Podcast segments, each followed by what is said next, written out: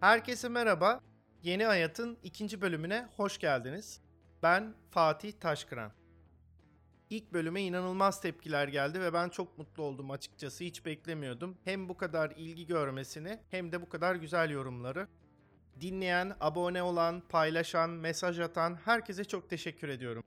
Daha önce de söylediğim gibi ilk bölümlerde yanında çok rahat hissettiğim dostlarımı konuk alarak bu heyecanı paylaşıp yükümü biraz hafifletme peşindeyim açıkçası. İkinci bölümün konuğu da buna ziyadesiyle uygun bir isim. Bu bölümde konuğum Türkiye'nin internet kültürünün en temel taşlarından biri olan ek sözlüğün CEO'su, aynı zamanda bilişim hukuku dendiğinde akla gelen ilk isim olan Başak Purut, namı diğer Kanzuk. Kendisiyle her zaman olduğu gibi hayatın gözümüzden kaçan ilginç yanlarını ve bilmediğimiz yönlerini konuşacağız. Hazırsanız başlayalım.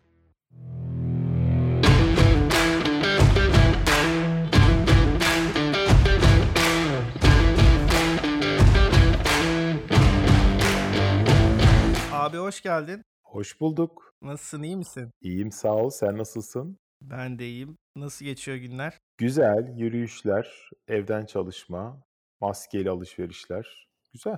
Ya ben e, senin röportajını izledim. 30 küsür soruya falan cevap verdin herhalde değil mi?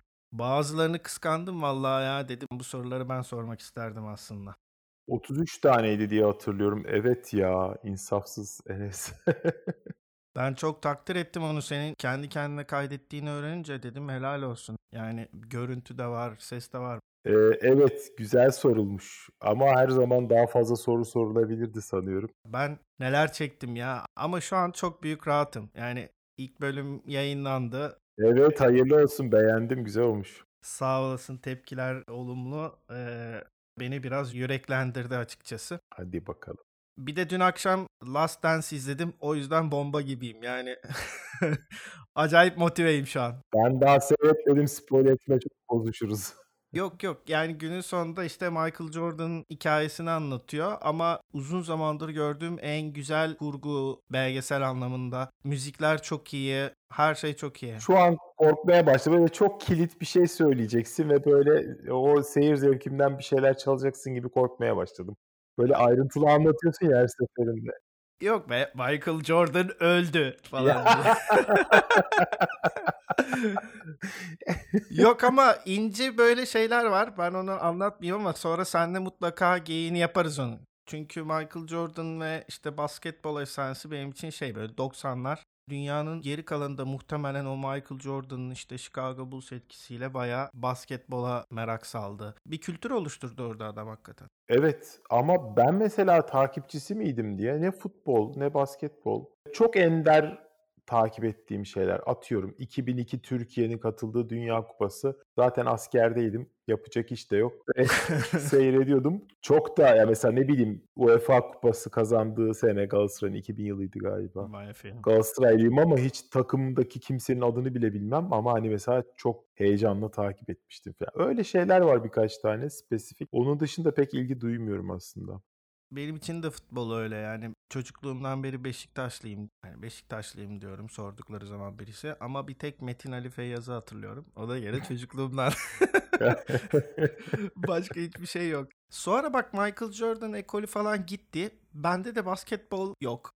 Ee, düşündüm onu. Senle ilk Amerika'ya gittiğimizde e, şey izleyelim falan demiştik. Bir NBA maçı izleyelim şöyle bir canlı. E, sezon kapalıydı izleyememiştik. Hı hı. E, adamların yani o rüzgar gittikten sonra ben de hiçbir daha basketbol şey yapmamışım. Bir dönem Formula 1 de öyle olmuştu benim için. Yani şunu söyleyeyim ben 3 senedir Amerika'dayım. Hiç NBA maçına gitmedim desem. Ki yani gidilir yani. Niye gitmiyorsun değil mi? Ee, tabii canım. Ee, bir de şey orada beyzbol da kral değil mi? Ya ben beyzbolu seyretmek istedim. E, stat çok yakında. San Francisco'nun merkezinde bir e, stadyumu var bu San Francisco'nun beyzbol takımının. Bak adını bile dur bakayım. Giants mıydı neyse. E, o kadar bilmiyorum yani. Neyse e, o yüzden bir gideyim dedim. Sonra baktım böyle neredeyse bütün gün sürüyor. Güneş altında işte arkadaşlarına gidiyorsun yiyip içip sözüm ona beyzbol seyrediyorsun. Ve hani bir bakayım dedim beyzbol benim seyretmekten zevk alabileceğim bir şey mi diye biraz böyle beyzbol seyretmeye çalıştım. Hani o kadar çekmedi ki beni yani böyle. Dedim hani bunu bir de stadyumda eee, tecrübe etmeyeyim en iyisi. Ya, o yüzden ona da gitmedim. Super Bowl iyiydi ama. Bak onu mesela izlerken çözmeye çalışmıştık. ha böyle vuruyor. Aa o zaman tamam. Bu evet sayı falan. Bak Amerikan futbolunu seviyorum. Yani gerçekten seviyorum. Anlıyor muyum? Hayır ama hani seviyorum yani seyretmesi keyifli. Benim için şeydi bak çocukluğumda gene Amerikan futbolunu gene severdim. Bir de buz hokeyi çok severdim. Ee, o ikisi benim için spor falan değil kavga izleme şeyi.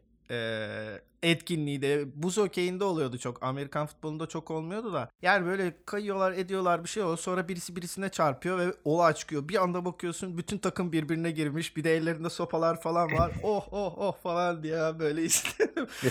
Kavga meraklısı biri olarak. Önemli olan sana keyif yaşatıyorsa yani o spor etkinliği bir köşesiyle bir kenarıyla da olsa sana bir heyecan yaşatıyorsa demek ki yani planlanan eee, fayda sağlanmış yani o zaman. Başarılı diyebiliriz yani. Ben bu programlarda kendime dair bayağı bir insight verip şimdi linç yiyeceğiz. İlk linçim sana kısmet olsun falan dedim ya. Ee, ama şey böyle Bence çok temiz bir programdı ilk dinlediğim program. Aşırı temizdi yani böyle lincin L'si bile çıkmaz gibi senin programlardan diye düşündüm. evet evet orada Serdar abinin kendi karakterinden dolayı çok e, şey yapamadım, sapıtamadım yani. Ee, bir de şimdi adam çok bilgili ve ciddi konuşuyor. Her konuda ne sorsam ve ne konuşsam ben bu kadar düz adamlığımı çok ön plana çıkartayım dedim. Dolayısıyla olmadı yani.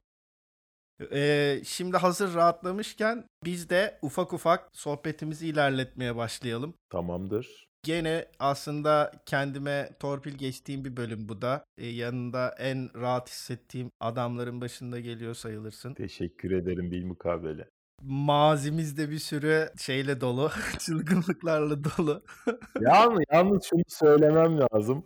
Ee, seninle konuşuyorum fakat başka insanların dinlediği bir ortamdayım ama aslında şu an kimsenin dinlemediğini biliyorum ama yine de e, olduğum gibi konuşmuyorum çünkü sana ben hiçbir zaman bir mukabele demem yani.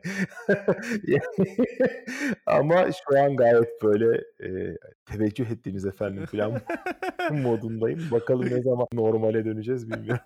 Abi yani çok garip bir deneyim benim için de. Her bir yani şimdi ilk pilot bölüm ayrı bir şeydi. işte ikincisi ayrı bir şeydi. Ee, zaman içerisinde daha bir sürü ilginç şeyler yaşayacağım diye düşünüyorum. Buradan yola çıkarak sana ilk sorumu sorayım. Hazır mısın? Sor bakalım. Serdar abiye de sormuştum bunu. Aslında bu programda benzer bir dürtüden yola çıkıyor. Hepimiz bir takım gizli zevklerimizin ve hazlarımızın peşindeyiz. Ee, ve her zaman kendimizi beslemeye, daha mutlu olmaya çalışıyoruz. Gizli hazırı tartışmayacağız herhalde burada değil mi? Yani e, ne kadar gizli olduğuna bağlı. Ya burada gizli ağızdan kastım aslında şey e, benim işte bir sürü garip zevklerim var sonuçta. İnsanlar için hiçbir şey ifade etmeyen duyduğunda e falan diyeceğim ama benim işte bir saat anlatabileceğim falan ve karşımdakini sıkıntıdan öldürebileceğim konular oluyor. Bazen seni de böyle ilk defa gördüğünde şaşırdığın anlar böyle çok hoşuma gitmişti. Mesela bu gezide de şey bizim takıcıya gitmiştik. Ya, ya. Benle alakası olmayacak gibi duran bir şey ama seviyorum ya bazı rüküşlükleri. Ya öyle şeyler aslında senin o yanın hoşuma gidiyor. Böyle mesela düşün biz kaç senedir tanışıyoruz? 10 sene olmuştur değil mi? Tabii tabii Belki daha fazla. fazladır. Ve seni 10 senedir tanıyorum. Ee, bana göre saçma sapan takıları da her zaman görüyorum. Fakat mesela özellikle bir markaya bu konuda çok takık olduğunu ve böyle yerini yurdunu, modellerini bilip gündemini takip ettiğini, onun modasını takip ettiğini falan bilmiyordum. Ben böyle bir yerde bir şey gördün, aldın, taktın, devam ediyorsun. ısrarla onu takıyorsun falan falan gibi düşünüyordum. Sen baya böyle hani e, sezonunu falan takip edip şu takısı bilmem ne kolye bim neydi tam olarak da ne- Bunu kim tasarlamış, nasıl olmuş falan. ya evet bir de böyle anlatıyorsun böyle Allah'ım diyorum bu gerçekten böyle bir şey mi yani böyle bir müessese mi var erkek kolyesi bilmem nesi filan o kadar uzağım ki böyle bir yandan da hoşuma gitti yani yeni bir şey öğrenmiş oldum. Ya Ben orada bir kendimden geçtim farkındayım. Sonra baktım ki sen bir garip bakıyorsun. Ne oluyor lan bu çocuk ne yapıyor şu an burada diye. Ondan sonra kendime geldim. Benim dünyamda bir karşılığı olmadığı için e, orada bir adaptasyon sorunu yaşadım yani. Senin o kendini kaptırmış şekilde böyle e, bileklik ve kolye modellerine bakıyor halinle benim böyle o dünyadan tamamen uzak. Hiç anlamam. Çok düzüm yani. Hani saat bile takmıyordum e, Apple Watch çıkana kadar yani. Evet bak seninle saat konusunu tartışmak isterim. Burada millet ölür sıkıntıdan ama e, bayağı üstüne biz iki saat konuşuruz onu. Kısaca konuşalım istiyorsan. Sen olaya fonksiyonel bakıyorsun. Ya şöyle düşün yani 300-400 gram bir şey takıyorsun koluna belki 500 gram bile olabilir saatine göre hatta daha fazla bile olabiliyor. E, bütün gün yanında taşıyorsun e, ve yaptığı tek şey saati göstermek. Zamanı göstermek. Ama kalem konusunda da öyle abi. işte. Kalemde de aynısını söyleyeceğim. Yani bunlar senin e, bir dolu para verip e, kullanacağın ve saate bakmak için kolunda tuttuğun şeyler değil. Bunlar benim param var, benim tarzım şu diye e, bir tırnak içinde statement olarak üstünde bulundurduğun şeyler. Kalem de öyledir. En ucuzu bile olsa yine tırnak içinde pahalı bir kalem taşıyor olmak da odur benim için. E, saat de öyle yani. Genel olarak algı öyle. E, Ben ama onlara daha çok bir aksesuar olarak bakıyorum. Ama öyle yani. Senin saati bir Casio yerine Rolex'ten bakıyor olman onun saat fonksiyonunun daha iyi olması yüzünden değil yani. Quartz saatlerin neredeyse tamamı pili bitene kadar zaten kusursuz gösteriyor. Yani orada zaten artık o işin saatliği çoktan geçmiş. Ben şu tarz bir insanım. Yani mesela Rolex bana biraz daha rüküş geliyor ama ne bileyim IWC biraz daha böyle Hmm, kaliteli tasarım. duruyor ya da Omega mesela. Biraz daha kaliteli demeyeyim hepsi kaliteli de tasarımsal olarak biraz daha böyle eee klas duruyor diyeyim. Sen tarzını daha çok seviyorsun onları. Ha, ha, alacak olsam Rolex almam muhtemelen mesela. Ben de IWC'yi çok severim. Ama toplamda ben şöyle bakıyorum yani benim kendim beni tanımayan birine kolumdaki saatle bir statement yapıyorsa yani kendini böyle ifade ediyorsa ben o kişi olmak istiyor muyum? Hmm, Ondan emin değilim. Yoksa saate para vermek anladım. Bana o yüzden mantıksız geliyor. Yoksa para harcamayı çok seven bir insanım. Her şeyde para harcanmasına okeyim. Biliyorsun benim. En sevdiğim yönün benim müsrifliğimden yanında utanmadığım tek insansın abi. Aynen abi müsriflik kardeşiyiz. O yüzden yani e, okeyim. Sadece şey yapmıyorum. Yani yarın öbür gün de alırım belki bir Omega takarım koluma ve hani belki hoşuma gider bilmiyorum ama şu an insanların Rolex takıyor olmasının sebebinin ne olduğunu biliyor olmak beni yoruyor yani. Evet Hani o itici gelin. Bu arada Rolex'ten sponsorluk olayımızda rafa kaldırdık. Sağ ol. Teşekkür ediyorum. yani o zaman Omega'ya git abi bak güzel dedim. Yok tamamen katılıyorum. Bence de %99 bu tür şeyler insanların kendine bir ifade etme biçimi. Aynı şey giyimde de var. Yani ayakkabıda da var işte atıyorum. Yani marka olan her şeyde var biraz. Ya ayakkabının tasarımı senin genel duruşuna, görünüşüne doğrudan etki eden bir şey. Ya da giydiğin gömlek mesela yani güzel bir gömlekle vasat bir gömlek arasındaki farktan senin dış görünüşün tümden Değişiyor. değişebiliyor. Yani sadece bir statement diye bu tırnak içinde söylüyorum yine Katılıyorum. olmayabiliyor ama saat bence tamamen şey öyle bir unsur yani saat ve kalem. Kullansınlar bu arada. Ben ben kapitalistim. Hiçbir şeye itirazım yok. 1 milyar dolara saat olsun birisi de onu alsın taksın. Yani hepsine okeyim. Ya ben şeyim o tarafta. Kesinlikle katılıyorum. Ben hani mesela bunu taktım ve millet gördü diye Rolex alan insan olmak istemem hiçbir zaman. Bendeki şeyden kaynaklanıyor. Benim işte o takıda veya işte kalemde veya işte saatteki o manyaklık tutku şeyden geliyor. Yani o bir şeyi merak saldığımı dibine kadar gitme manyaklığından geliyor. Kalemde bunu daha da çok söyleyebilirsin yani. Bakkaldaki o vardır ya kutularda satılan yüzlük sarı şeffaf tükenmez kalem. Aldığın herhangi bir işte limited edition bilmem kaç bin euroluk Montblanc'la aynı işi görüyor. Yazı yazıyor sonuçta.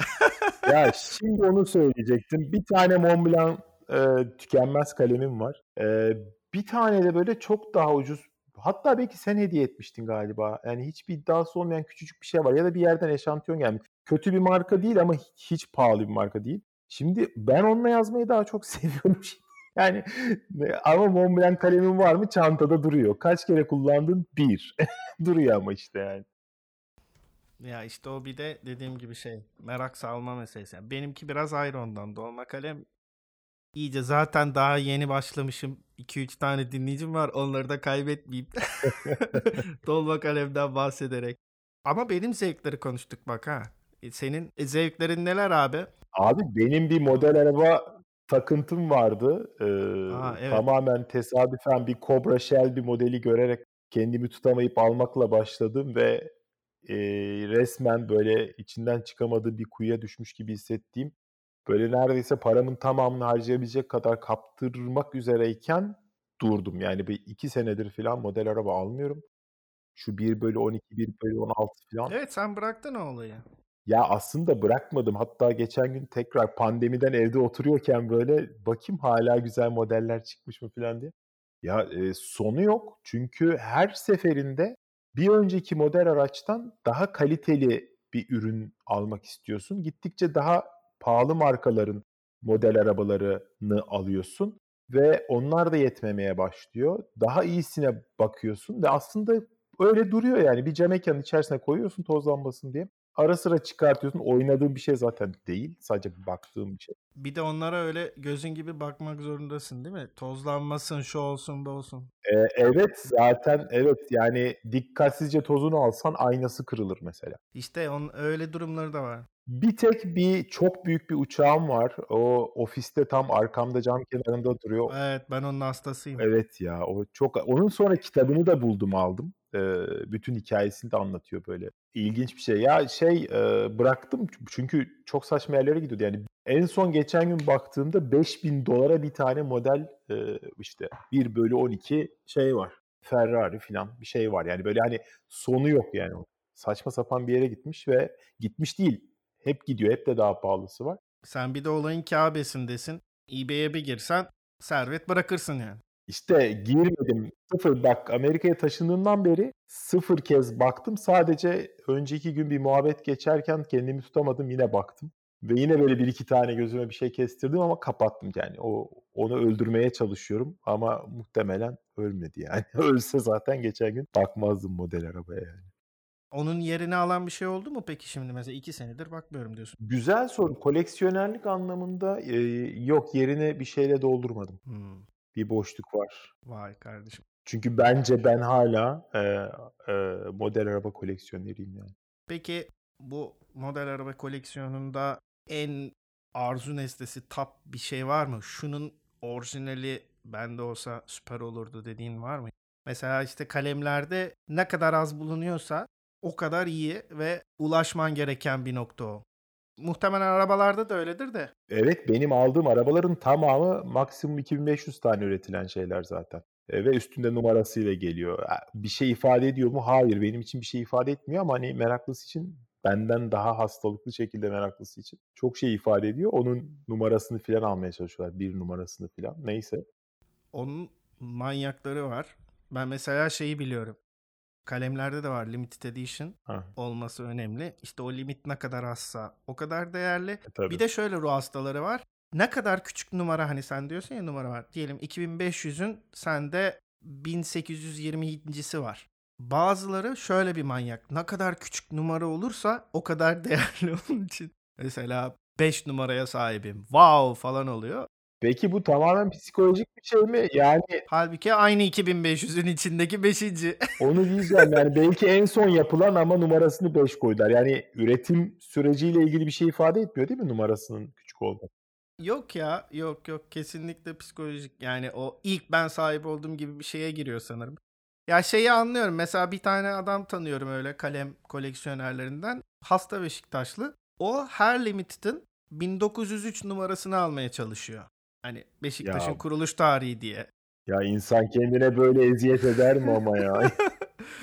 ya burada bir de ne çileler çekiliyor ne paralar dökülüyor. Hayır öyle bir şey ki ya bunun 1904'ü var olur mu? Olmaz ki yani. Ya 1903 Hayır, ya da evet, hiçbir evet. şey yani falan böyle. Hani Oğlum bayağı distribütörü darlıyor ya. Aylar öncesinden geliyor. Diyor ki işte bu kalem gelecek de 3 ay sonra git fabrikadan onun 1903 numarasını iste. Ya bir de bunun mutsuzluğu çok kolay. Birkaç sebepten bir, dünya üzerinde bir tane daha Beşiktaşlı böyle bir merakı olan e, insan e, koleksiyoner çıksa ortaya bir anda inanılmaz ölümcül bir rekabet başlayacak ve birinden biri muhakkak mutsuz olacak. Bir de şey düşünsene rastgele almış adam. Hiç farkında bile değil. Umurunda da değil. 1903 başkasında. Evet o, o da olabilir. Evet bir tane gönder diyorsun 1903 geliyor yani o da olabilir. çok acayip ya. Peki bunun tam tersini düşünürsek neyden çok sıkılıyorsun yani? Ee, ya da hiç haz etmiyorsun.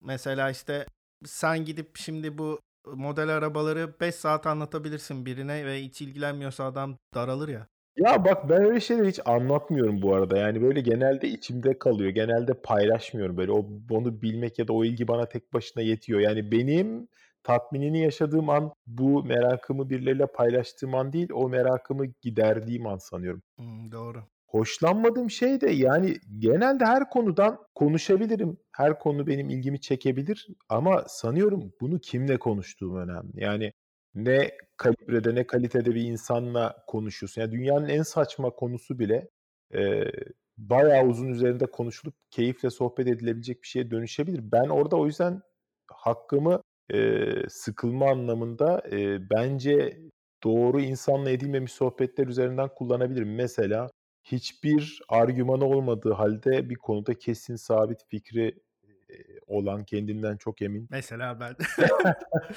yani senin de öyle olduğun bazı konular olmuş olabilir ama bu sen genel olarak öyle bir insan değilsin. Evet, evet yok ben hepimizin bilmeden bildiğimizi sandığımız konular olabilir. Öyle hatalarımız olabilir. O ayrı da karakter olarak genel olarak böyle büyük resmi görmüş e, kül yutmaz ve argümansız yani. Çünkü bir şeyin gerçeğini veya doğrusunu biliyorsan o konuda fikrin sabit olabilir. Çünkü zaten doğruyu biliyorsundur ya da gerçeği vakıfsındır. Ona bir şey demem ama yani bir şey bilmeden bildiğini sana konuşan kitleyle herhangi bir konuda konuşmak istemiyorum. Mesela onlar sıkıyor beni. Evet, benim katlanamadığım insan tipi tek bir tane var aslında. Bu senin bahsettiğin değil de senin bahsettiğin tipleri ben ignore ediyorum. Birisine bir şeyi anlatmaya çalıştığımda maksimum iki söylerim. Yani mesela Allah'ın hakkı üstür derler. Hı hı. Üçüncüyü söylemem. Hatta ikiyi de eğer o insanı gerçekten önemsiyorsam söylerim. Ondan sonra o tartışmaya girmiyorum. Yani ben mesela tam tersiyim. Her konuda konuşmayı çok severim. Bazı konularda dediğin gibi yanlış doğrularım vardır. Ama büyük açlık da çekerim. Yani mesela bizim sohbet konularımız muhtemelen sonsuzdur yani. Her konuda konuşmuşuzdur ve bilmediğim enteresan bir şey ya da o anda bana bir şey düşündürten bir şey çok hoşuma gider. Ee, senle herhangi bir konuyu şimdi burada saatlerce tartışsak ben ondan çok zevk alırım. Çok sevdiğim bir laf. Sadece aptallar ve ölüler fikir değiştirmez gibi bir laf var. Ona çok inanırım. Sabit kalmak en hızlı geri gitme yöntemidir düz bir şekilde aynı şeye takılıp kalmak o zaman içerisinde de benim etrafımda olmasını engelliyor o insanın. Benim 5-6 tane sıkı dostum var. Hiçbir zamanda eğlenmediler. Tabii ki başka bizim bayağı duygusal bağlarımız var bizi birbirine bağlayan ama e benim lisede de çok sevdiğim böyle dostum dediğim arkadaşlarım vardı. E şu an yok çünkü geride kaldı. O konuda ben de kendime çok kırgınım. Ee, ilkokuldan görüştüğüm insan yok. Yok yani bir şekilde yollarımız ayrılmış.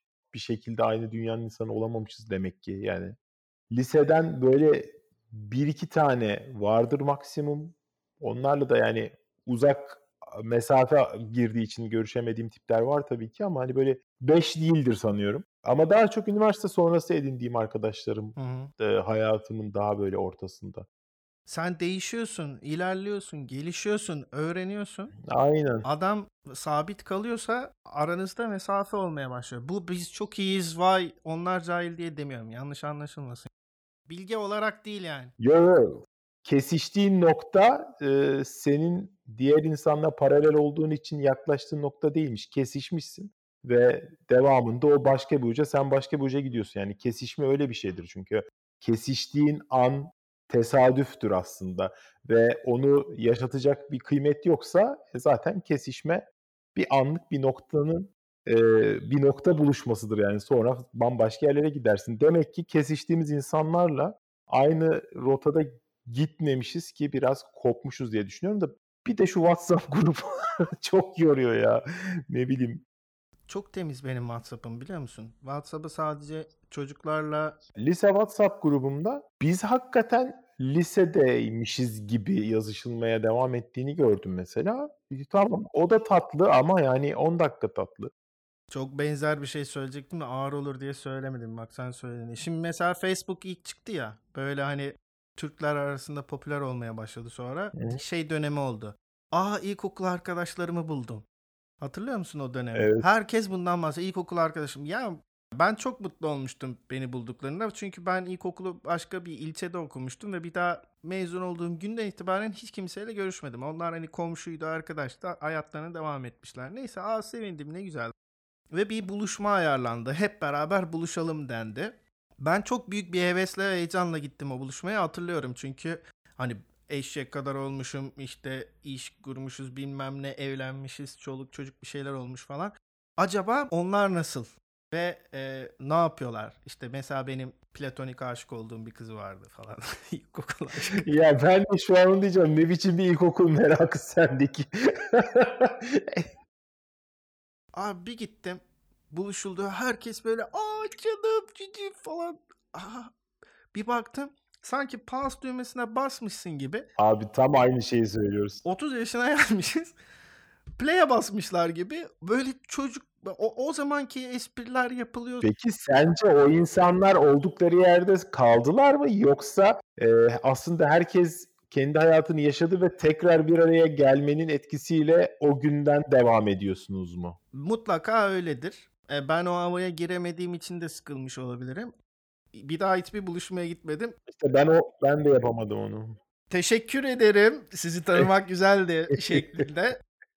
E, bu WhatsApp'ın şey sessiz alı var ya böyle en uzun seçeneği neyse o. 8 yıl falan diye böyle sessizde. Bittiği zaman tekrar devam. Öyle onlarca WhatsApp grubu sessizde bende abi. O yüzden çok temiz. Arşivde duruyorlar. Kendi aralarında takılıyorlar. Ben direkt çıktım ya. Üzgünüm. Aynen öyle. Bak şimdi çocukluktan bahsettik. Benzer dönemlerin çocukluğunu yaşamış durumdayız ama biz farklı mahallelerin çocuklarıyız senle biraz da. Evet. Benim varlığımdan haberdar dahi olmadığım bir mahallenin çocuğusun. O açıdan benim için çok e, ilginç bir tecrübe oldu seninle çok yakın tanışmak. Herkesin bu geçmiş özlemini de gömdük. Benim de o konuda naziliğim var böyle nostalji falan. Nostalji yapmayacağım o yüzden. Ama çocukluğuna dair özlediğin şeyleri sormak istedim. Ya o zaman beni de göm ya. Çocukken hepimiz çok aptaldık doğal olarak. o konuda gömülecek çok şeyimiz var hepimizin. ben gerçekten baş belasıydım ya. Yaramaz bir çocuk muydun? Tabii öyleymişim canım. Hmm. Tabii ya ben benim hatırlamadığım kısmı da var da Hmm. hatırladıklarım da var yani. Senin annen çok uğraşmış o zaman seninle abi. Çünkü böyle tanıdığım kadarıyla dünya tatlısı bir kadın. Yazık yani. Ya annem dünya tatlısı. Bir karikatür var ya geliyor üç kardeş. Beş kardeş değil mi o ya? Karikatür var öyle. Geliyor bak üç kardeş diyor. Beş kardeş değil mi o ya diyor. Ha. O öyle acımaz mı ki falan diyor. Güzelmiş bak onu bilmiyordum. E, Kendim de aynı şeye geldim Tufa'ya. ya tam senin annen o. Ya benim annem inanılmaz tatlı bir kadın. O yüzden e, çok esnek, çok yumuşak. O yani dayak yemeden büyüdüm. Sıfır. Hiç kimse ne annem ne babam dokunmadı bile ama yani ben olsam döverdim yani. Bazı yaptığım şeyleri hatırlıyorum. Yani niye dövmemişler diye biliyorum yani. Ya ben de böyle bir fiske yemedim hiç. Ama böyle terlik merlik fırlatıldı tabii babaannem tarafından. Yok bizde terlik kültürü yok işte abi. Ayrı mahalle diyorum ya. Evet doğru. Bende şöyle bir durum vardı. Ben babaannem ve dedemle büyüdüm. Dolayısıyla yaşlılardı ve bizim ev böyle bir hub gibiydi. Herkes bizim eve geliyordu misafirle. Çünkü hep yaşça büyük olduğu için kimseye doğru düzgün gitmezdik onların akranları hariç. Dolayısıyla eve giden giden çok olurdu ve benim imajım şuydu. Allah'ım ne kadar uslu çocuk ya. Ne kadar sakin, sessiz, Abi hayatta inanmam senin uslu olduğuna. Evet ama işte ben mesela çok yaramazlık yapardım. Hep sonradan ortaya çıkardı. Ya, ya. Ve babaannem çok demişti. Senin bir kardeşin olsaydı yazık çok dayak yiyerek büyümüştü diye. Çünkü hiç, Ha, ondan bilecekler. hiç evet ya da hep suç onun üzerine kalacağı için iyi ki de yokmuş. Ya, yalnız bu, ya- bu yanım pek değişmemiş bence. Ha değil mi? Evet. Bayağı o ruh haline giriyorum ha. Aptal gibi oluyorum. Ne oldu ki? No, ne, ne bir şey yapmadım ki ben falan oluyorum. Ya Kendine dair fazla açık veriyorsun. Fatih. riskse risk. Şey ilişkilerimde de bu hep böyle oldu ya. Bütün kavgalarda pozisyonum ne oldu ki? Yani şu an sen niye sinirleniyorsun? Ne var bunda? Bu hangi hangi otel? Kim görmüş olmasın. Ve hep klasik diyalog vardır ya onu ben hep yaşadım. Ne yaptım ki şimdi? Ve karşıdan gelen cevap. Bir şey yapmıyorsun zaten sorun orada. Bezdirme konusunda üstüme yok anladığım kadarıyla. E, tamam bu bu savunman da çöktü şu an itibariyle. Evet ya durup durup itiraf programına dönüyor. Bundan hiç mutlu değilim abi şu an. Ya bunları bu tür şerefsizlikleri ben de yapmış olabilirim bazı insanlara. Yani birinci programda sapıtamadım falan dedik ama konu lütfen beni itiraf ettirmeye döndürmesin. Diyeceğimi bilemedim ya. Sen çocuklarını anlatır mısın? Konu benden uzaklaşsın. Oğlum çocukluk konuşuyorduk. Nereden buraya geldin? Ne soruyordun sen bana? yok yok yani neyi özlüyorsun demiştik. Yaramaz bir çocuktum demiştin. Ben böldüm sonra. Ya benim çocuklukla ilgili özlediğim bak şunu anlatayım. Biz 1980'de ben 5 yaşındayken e, babam bir ikinci el araba aldı ve tatile çıktık o senelerde ya 80'de ya 81'de hatırlamıyorum. Çanakkale'de Huzur Motel diye bir yer vardı. Eceabat'ta Gelibolu tarafında. Oraya gittik. Biz seninle bir durduk baktık. Terk edilmiş otel. Orası mı? Aynen abi. Şu an terk edilmiş metruk ve benim çocukluk hayallerimi Hmm. yaşatıyor. Çünkü benim çocukluğumdaki haliyle terk edilmiş durumda. Oraya gittik. Birkaç aile Hı. daha gelmişti. Onlar birbiriyle akraba olan birkaç aile gelmiş. Biz de dışarıdan onlarla tanıştık. Ve çok kaynaştık ve her tatile, her sene huzur motele ve aynı dönemde gidip hep beraber tatil yapmaya başladık. 6-7 ailelik bir e, grup oluştu. Çocuklar hatta orada bir platonik aşkım da vardı. Bak mesela bunlar benim için hep kitaplarda okudum. Şey, yaz aşkı. Yok bende o. İşte oradan çok şey kaçırmışsın ya. 5-10 yaşında aşık oluyorsun falan böyle. Süper saçma güzel duygular. Neyse mesela orası benim bütün çocukluğum oradan ibaret. Sezonda işte yani okul sezonunda yaşadığın bütün hayat ayrı bir şey. Tatile gidip işte Gelibolu'da yaşadığımız o 15 gün 20 gün artık ne kadar kalıyorsak hatırlamıyorum. Bana böyle bir 3 ay kalmışız gibi geliyordu ama muhtemelen 20 gün kalıyoruzdur falan maksimum. Zaten paramız da yoktu yani. Neyse o orada geçirdiğim her şey yani orada yaşadığım her şey inanılmaz özlediğim şeyler. Tekrar oraya gitmek de mümkün değil böyle kapandı hani aslında oralarda aynı ekiple tekrar buluşmak falan süper olurdu. Bu arada abim o gruptaki bir kızla evlendi zaten hani Şaka yapıyorsun. Cevdet abi. Valla ben onu bilmiyordum bak. Platonik olan biziz. Evlenen abim işte böyle yani. Vay arkadaş. Yok aynı kızdan bahsetmiyorum bu arada. Başka kızlar karıştı. Yok yok tabii mutlaka öyledir de öbür türlü garip olurdu.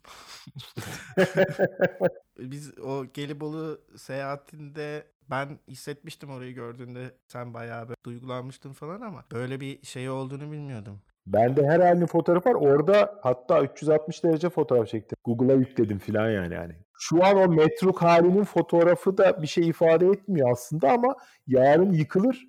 Ben şimdi çekim diye çektim. Ya Türkiye'de çünkü öyle bir şeye denk gelmek çok zor. Şimdi mesela sen çocukluğumuzu konuşuyoruz. Çocukluğuna dair birçok şeye baksan yok şu an. Bina olarak da yok. Bazıları işte semt olarak bile olmayan var. O mesela tam Amerika'daki bizim gördüğümüz terk edilmiş e, şeyler gibi, kasabalar gibi. Yani o orada kalmış ve hiç kimse dokunmamış o otele. Buradan sana iki tane şey söyleyeceğim. Birincisi e, çocukluğumda yaşadığım yerlerin neredeyse tamamı duruyor. E, atıyorum lahmacuncu Halil'de duruyor. Benim doğduğum ev olan Hacı Şükrü Sokak'taki apartmanda duruyor. Kadıköy'de Moda'da. Hadi canım. Aynen. E, sonra çocukluğumu yaşadığım evde duruyor. Lise son, üniversite yıllarımı yaşadığım binada duruyor. Yani Aa, o açıdan şu an şanslıyım. Yani çocukluğumun geçtiği parkta duruyor. Böyle yani hepsini e, tekrar yaşayabiliyorum. Her gittiğimde Türkiye'ye zaten oraları muhakkak ziyaret ediyorum. Çanakkale'ye gidersem de Gelibolu'da orayı ziyaret ediyorum yani. Zengin ve fakir semti ayrımı mıdır nedir acaba ya? Şimdi mesela ben Fatih'e gitsem, şimdi ilkokulu orada okudum. İlkokulum ve o eski apartmanları duruyor. Ha. Ama mesela Esenler'e gitsek şu an ki e, bayağı herhalde 5-6 sene oldu gitmeyeli ama her şey full silindirle ezmişsin abi yeniden yapılmış. Benim bu peki nostalji naziliğim sende var mı yani e, yoksa tam tersi mi? E, Şöyle adamlar oluyor ya korkunç zengin oluyor ama büyüdüğü evi satın alıyor ve onu koruyor falan. Öyle bir şey yapar mıydın mesela? Ee, yani bilmiyorum bak güzel soru. Hiç öyle e, öyle motivlerim yok sanki ya. Öyle şeyler olsa bilmiyorum. Ya bir grup insan, bir grup değil çoğunluk insan Türkiye'de özellikle geçmişte yaşıyor. Ee, hep nostalji e, şey yapıyor. Yani emin misin peki bu kadar yıkıp yenisini yapmaktan memnun bir millet için geçmişinde yaşıyor demek? Yok yok. Geçmiş özlemi ya. Ha. Geçmiş her zaman çok güzeldi. Her şey güzeldi. Yok ben öyle bir insan değilim. Bir de bana o biraz şey geliyor ya. Yani o bana biraz sağlıksız geliyor o bakış açısı. Daha fazla konuşmayayım. Demin aklıma geldi. Dedin ya böyle bırakıyorlar gidiyorlar işte değişiyor değişiyor yapılar. Oradan aklıma geldi de şimdi konu dışı ama söyleyeyim. Mesela şey vardır ya böyle terk edilmiş antik kentler. Evet. Ve böyle hani terk edilmiş, yıkılmış, dökülmüş hali bile şu anki e, o çevredeki köylerin veya şehirlerin hepsinden çok daha görkemli ama bir zaman bir şey olmuş atıyorum deprem olmuş ne bileyim saldırı olmuş ve orada yaşamamaya karar vermişler. Zamanında orası çok kıymetli çok sulak bir yerken bir şey oluyor ve orayı bırakıyorlar. Ne bileyim her her sebepten bir şehir boşuna kurulmuyor aslında. Bir yere şehri kurmuşlar ama sonra bir şeyler olmuş ve vazgeçmişler o şehir ya düşünsene Efes antik kenti şu an kanalizasyon sistemi bile neredeyse duruyor. 3000 seneden fazla geçmiş. Ama o tarihte henüz 3000 sene geçmemişken ya tamam biz burada yaşamayalım deyip bir sebepten gidiyorlar işte. Ne saldırı oldu, bir şey oldu. Hani başkası gelip de çökmüyor oraya. Yani ulan ne güzel şehir var biz burada yaşayalım diye başkası da gelmiyor falan. Ve terk ediliyor gidiyor falan böyle. Çok garip geliyor da şimdi sen yıkma dökme bırakıp başka yere geçmekten söyleyince onu da geldi aklıma. Şeyden de hoşlanıyorum ama. Ee, bizde olmuyor ya işte yurt dışına gittiğinde eski binalarını, eserlerini, bir şeylerini korumuş oluyor. Dokunmamış oluyor ve hala aynı güzellikte oluyor. Ondan etkileniyorsun bak. O enteresan. dokunmuyor veya koruyor değil adam aslında kullanıyor. Yani adamın evi orası ya da ne bileyim işte devletin binası orası ve hala fonksiyonel. Yani orada şöyle bir şey değil hani böyle müzeleştirmiyorlar. Evet evet kullanıyor. Bir şeye tahvil ediliyor yani bir kıymete tahvil ediyor. Binanın kendisi Evet. eski olması nedeniyle bir farklı hizmetle e, kullanılması gereken bir şey diye bakılıyor. Çünkü bizde eski bir şey ya müzeliktir yani korunması gerekecek kadar etkidir Ya da yıkarsın. ya da zaten yıkarsın yenisini yaparsın. O biraz ilginç. Adamların her şeyleri Hmm, aynen evet. devam ediyor yani. O bina var, güzel, sağlam, kullanılıyor. Eskiden de atıyorum bakkalmış. Şimdi de bakkal yani. Bu şekilde aslında yani.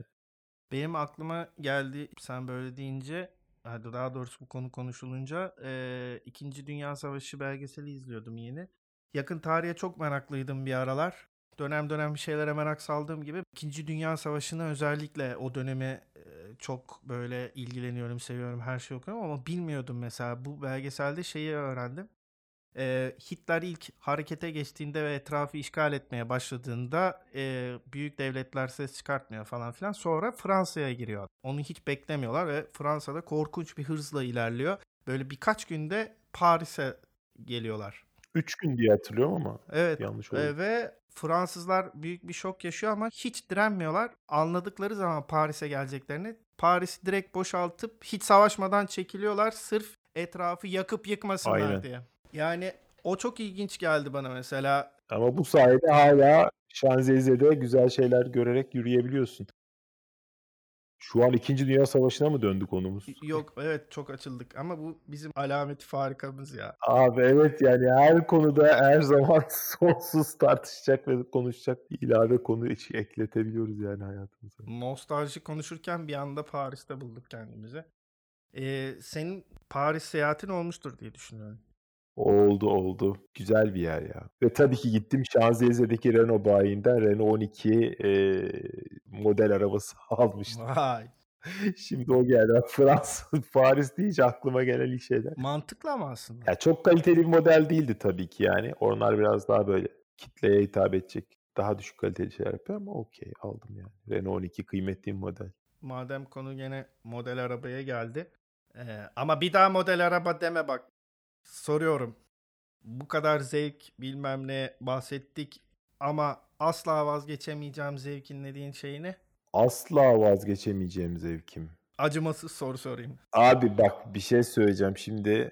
Ee, bunlar, bunların hiçbirini söylemeyeceğim cevap olarak sana o zaman. Oo. Abi ben başımın okşanmasından çok hoşlanıyorum. Oo, ilk defa burada açıkladı. Evet abi. Sen bilmiyor olabilirsin de yani kız arkadaşlarım bilir. Benim başımı okşayacak ve uyutacak birisi yani. Mesela inanılmaz keyif alırım. Evet ben bilmiyordum. Abi yani bu benim için çok önemli bir şey ve inanılmaz inanılmaz önemli bir şey yani inanılmaz keyif aldığım bir şey ve Aa, çoğu insan hiç haz etmez ha bunu. yani çok basit bir zevk ama hani sevdiğin insanın başına okşaması ayrı bir keyif. Yani şeyden değil yani sen okşasan keyif sanmıyorum. Evet ben de tam diyecektim ki bunu bilmem iyi olmadı benim.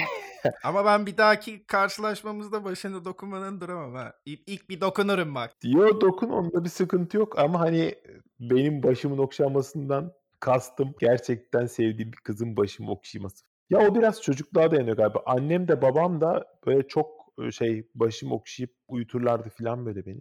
Hmm, annen mutlaka yapıyordur. Baban bana hep böyle daha sert bir karakter gibi geldi. Çok tanımıyorum ama uzaktan gördüğüm kadarıyla. Ya yok babam çok sert bir karakterdir. İnanılmaz korkardık. Böyle kırarım bacaklarınızı derdi ama hani bir şey kırdı yok. Fiske vurmuştu yok. Çok duygusal ve sevgi dolu bir insan bir yandan da. Hmm, vay be.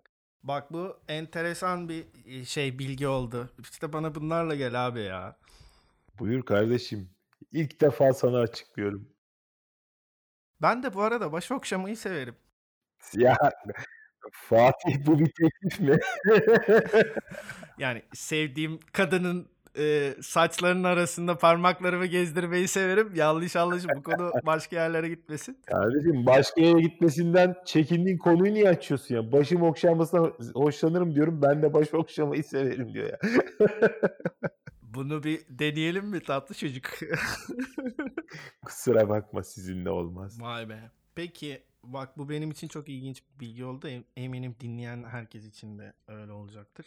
Peki abi e, senin hayatın boyunca yaşadığın en heyecan verici tecrübe neydi? Abi bu heyecanla heyecanı tanımlarsak bak şöyle hafif ölüm korkusu hafif ama böyle mesela yükseklikten korkan birinin yüksekte olması gibi düşün. Hmm. Onun yaşadığı bir hafif ölüm korkusu vardı ya ben öyle şeylerden hoşlanan bir insanım. Bungee jumping yapmadım ama hani mesela bungee jumping yapmak istiyor olmamın sebebi o mesela atıyor. Onu yaşamak değil mi? Tamam ama ben bunu yaşadım abi ve onu an bak o olabilir. Ben uçuş biliyorsun Hı hı. amatör pilot TUM. TUM bayağıdır uçmuyorum ama. Teorik derseniz bitti. Pratik derse başlayacağız. Bir Cessna 172 uçuracağım ben. Yanımda da hoca. İlk başta o kaldıracak uçağı. Sonra ben manevra yapacağım. Sonra o indirecek. Sonra ben kaldıracağım. Ben uçuracağım. Ben indireceğim. Plan bu. Yani plan gerçekleşti ama. Hmm. Şimdi birincisi kendi uçurduğun uçakta uçmak inanılmaz heyecanlı ve keyifli bir şey. Bu inanılmaz güzel bir duyguydu. Hani o enfes bir şey ve ilk uçuşumda da düşüp ölüyorduk. o yüzden de bir ölüm korkusu yaşadım. Sabiha Gökçen'in tek pisti var hala. O pistten kalkıyorduk. O yüzden bizden önce o Airliner denilen Boeing 737'ler falan kalkıyor. Onların da wake turbulence denilen türbülans kanat uçlarından oluşan bir şey var. Burgu var böyle. Hava burgusu. Gözle görülen bir şey değil.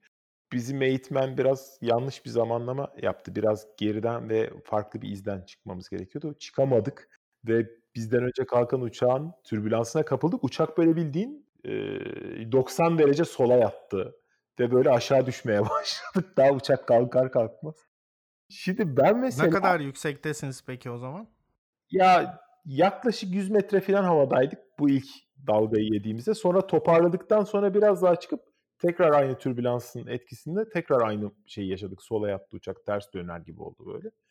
Şimdi çok ilginçti. Birincisi ilk defa uçağı kaldırıyorum. Eğitmen bana dedi ki sen sadece ellerini tut lövyede ben sürüyorum dedi. Zaten ben hiçbir şey bilmediğim için hani benim kurtarabileceğim zaten bir şey yok. O yüzden hani bir yandan etkisiz elemanım.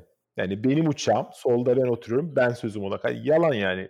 İlk kalkış çünkü. Sonra ben kaldırdım ama okey o gün ben kaldırmıyorum. O yüzden her şey eğitmenin elinde fakat uçak böyle sanki ben kaldırıyormuşum da beceremişim gibi sağa sola yalpalıyor düşmek üzere böyle gerçekten böyle bir ara şeyi biliyorum yani kafamı sola çevirdim yeri görüyorum yani uçak o kadar yatık ki yana ben sola bakınca havayı değil doğrudan yeri böyle biraz önce uçağa bindiğimiz yeri görüyorum. O çok ilginç bir duyguydu. Çok sakindim çünkü yapabileceğim hiçbir şey olmadığı zaman yani uçağı kurtarmak benim yapabileceğim bir şey değil çünkü yeterince tecrübem yok o konuda. Duruyorum. Bir yandan da hani öleceksem Aa, böyle mi öleceğiz acaba şuraya mı düşeceğiz falan diye bakıyorum böyle. Çok garip bir şeydi ve birincisi hani kendim uçuyorum. O çok garip bir keyifti zaten. Onun hemen 15-20 saniye sonrasında kendim düşüyorum gibi bir şey oldu. o da çok garip bir duyguydu ve bu duyguların bütünü bende böyle çok garip yerleri tetikledi. Yani bir yandan hoşuma gitti bu anı yaşamış olmak. Bir yandan çok korktum ama ertesi gün yine uçuş yaptım. Ve çok garip bir duyguydu. Hayatımın en ilginç anıdır ve bence e, sanıyorum bu eşsiz bir duygu. Ölüm korkusu artı uçuş heyecanının bir anda yaşadığım ve toplamda ölmediğim. Yani şimdi senden ortak yanlarımızdan bir tanesi o. Benim de çok fazla korkum yoktur. Ama yükseklik korkum vardır mesela. Yani emin ol çok garip şeylerdi. Yani çok garipti yani. Evet evet. Bak ben işte onu diyecektim. Ben mesela bundan korkuyorum ama o korkuyu yaşamayı seviyorum. Tamam mı? Mesela senle gittik. Ben deli gibi şey aradım ya hatırlıyorsun. Roller coaster aradım. Daha büyüğüne gidelim. En büyüğüne gidelim. Ben korkuyu yaşamak istiyorum. Mesela şey bu cam köprüler var. Hani videolarda izlerken bile kötü oluyorum ama çok istiyorum gitmek. Ha o bir bir evet. Ama işte hoşuma gidiyor mesela Seattle'da şey var, Space Needle var 200 metre yukarıda ve cam yeri. E çıkıp orada bulunmak hoşuma gidiyor mesela yani anladın mı? Hani çok fena. Bak şeyde de hatırlıyorsan şeye çıkmayı çok istedim. Ee, özgürlük heykeline gittiğimizde alnına çıkalım falan diye kapalıydı. Evet ya. Ona ben bir sefer daha gittim yine çıkamadım. Çok fazla sıra vardı. E, o adrenalini yaşamayı seviyorum. Şeyde işte neredeydi? Budapeşte mi? Ee, yanlış hatırlamıyorsam gittiğimde işte orada panayır'a denk geldim. Öyle bir panayır kurulmuş. Ee, ona denk geldim. Süper eğlence dolaşırken de bir tane adam kocaman böyle bir yılan cinsini bilmiyorum. Böyle bütün vücuduna dolamış. Onunla gezip işte gösteri yapıyor. İsteyene de veriyor. Bayağı boynuna ve e, vücuduna dolayıp fotoğraf çektiriyorsun. Yaptın mı? Onu bir gördüm dondum. Yaptım valla. Dedim ki bunu istiyorum abi. Çünkü Ya gerçekten mi? Çok ilginç ya. korkuyorum ama onu da yaşamak istiyorum. Abi böyle bayağı ruhumu teslim. Öyle fotoğrafım var. Bayağı boynuma dolanmış. Elime falan verdiler. Ben bunu görmedim ya. Bunu göster bana. Bu arada hayvan buz gibiydi biliyor musun? E soğukkanlı ya işte. Bu kadar çok merakımızdan zevklerimizden vesairelerimizden işte tecrübelerimizden konuştuk. Ee, ben senden çok şey öğreniyorum valla bu vesileyle sen ve Sedat'tan. Abi bence herkes birbirinden bir şey öğreniyor her saniye. Ben bunu çok seviyorum. Evet. İlla ki canım. Ee, bu kadar böyle e, tonla okuya neden araştıran, bolca entry yazan bir insan olarak senin için e, gizemli kalmış bir konu var mı? Çözemediğin, merak Üstüne ettiğin. hiç düşünmediğim ama çocukluğumdan beri tabii ki niye varız? Yani Oo, derin. neden neden kainat var, evren var, her şey neden var? Benim hiçbir zaman e, kendime cevaplayamadım. Fakat açıkçası cevabını aramayı da e, ötelediğim, ertelediğim, bir kenara bıraktığım bir konu yani. Bunu söyleyerek herkesin aklında olan Gayet klişe bir cevap vermiş oldum. Kusura bakma güzel kardeşim. Çocukken ben de düşünüyordum ya nasıl olmuşumla başlayan soru. E, büyükleri darlayıp ben nasıl oldum diye başlayan. yani bizim hayatımız bu evrenin sırrını çözmek için yeterince uzun değil bence. O yüzden e, anı kaçırmayalım diye düşünüyorum ben galiba. Çocukken daha düşünüyordum, daha fazla düşünüyordum galiba bu konuları. Şu an gerçekten hayat gailesi güzel kardeş be. Al sana komik bir itiraf daha söyleyeyim bak şimdi. Ben bunu çok sordum. Ben nasıl oldum? Ben nasıl oldum? Sordum. Şimdi herkese klasik cevaplar veriliyordu ya bizim çocukluğumuzda. Leylekler getirdi. Şöyle oldu, böyle oldu. Ya ben onu hiç sormadım. Tamamen kendi araştırma ve incelemelerimle çözmüştüm. Kaynaklara ulaşıp. Bana babaannem dedi ki biz seni denizden aldık. Denizden aldık mı? Hmm. Deniz hıyarı. Denizden aldık mı? Nasıl ya falan. Senin trollüğün oradan mı geliyor? Senin babaannen trollmüş demek. Evet olabilir ya. Birçok konuda trolledi beni abi ya. Ya bak ne kadar saçma bilgiler var bende bak söyleyeceğim şimdi.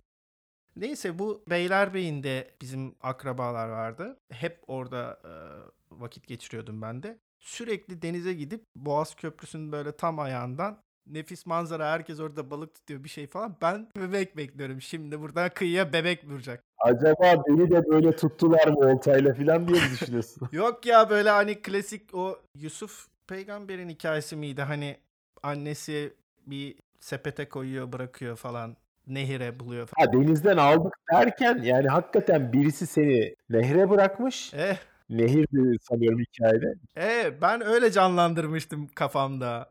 Aynen. O zaman sen aslında başkasınınsın. Sen bizim de değilsin. Biz seni bulduk gibi oluyor. O zaman o daha da trolle dönmüş olay yani. Evet, evet. Ya bir nevi de öyle sayılır da.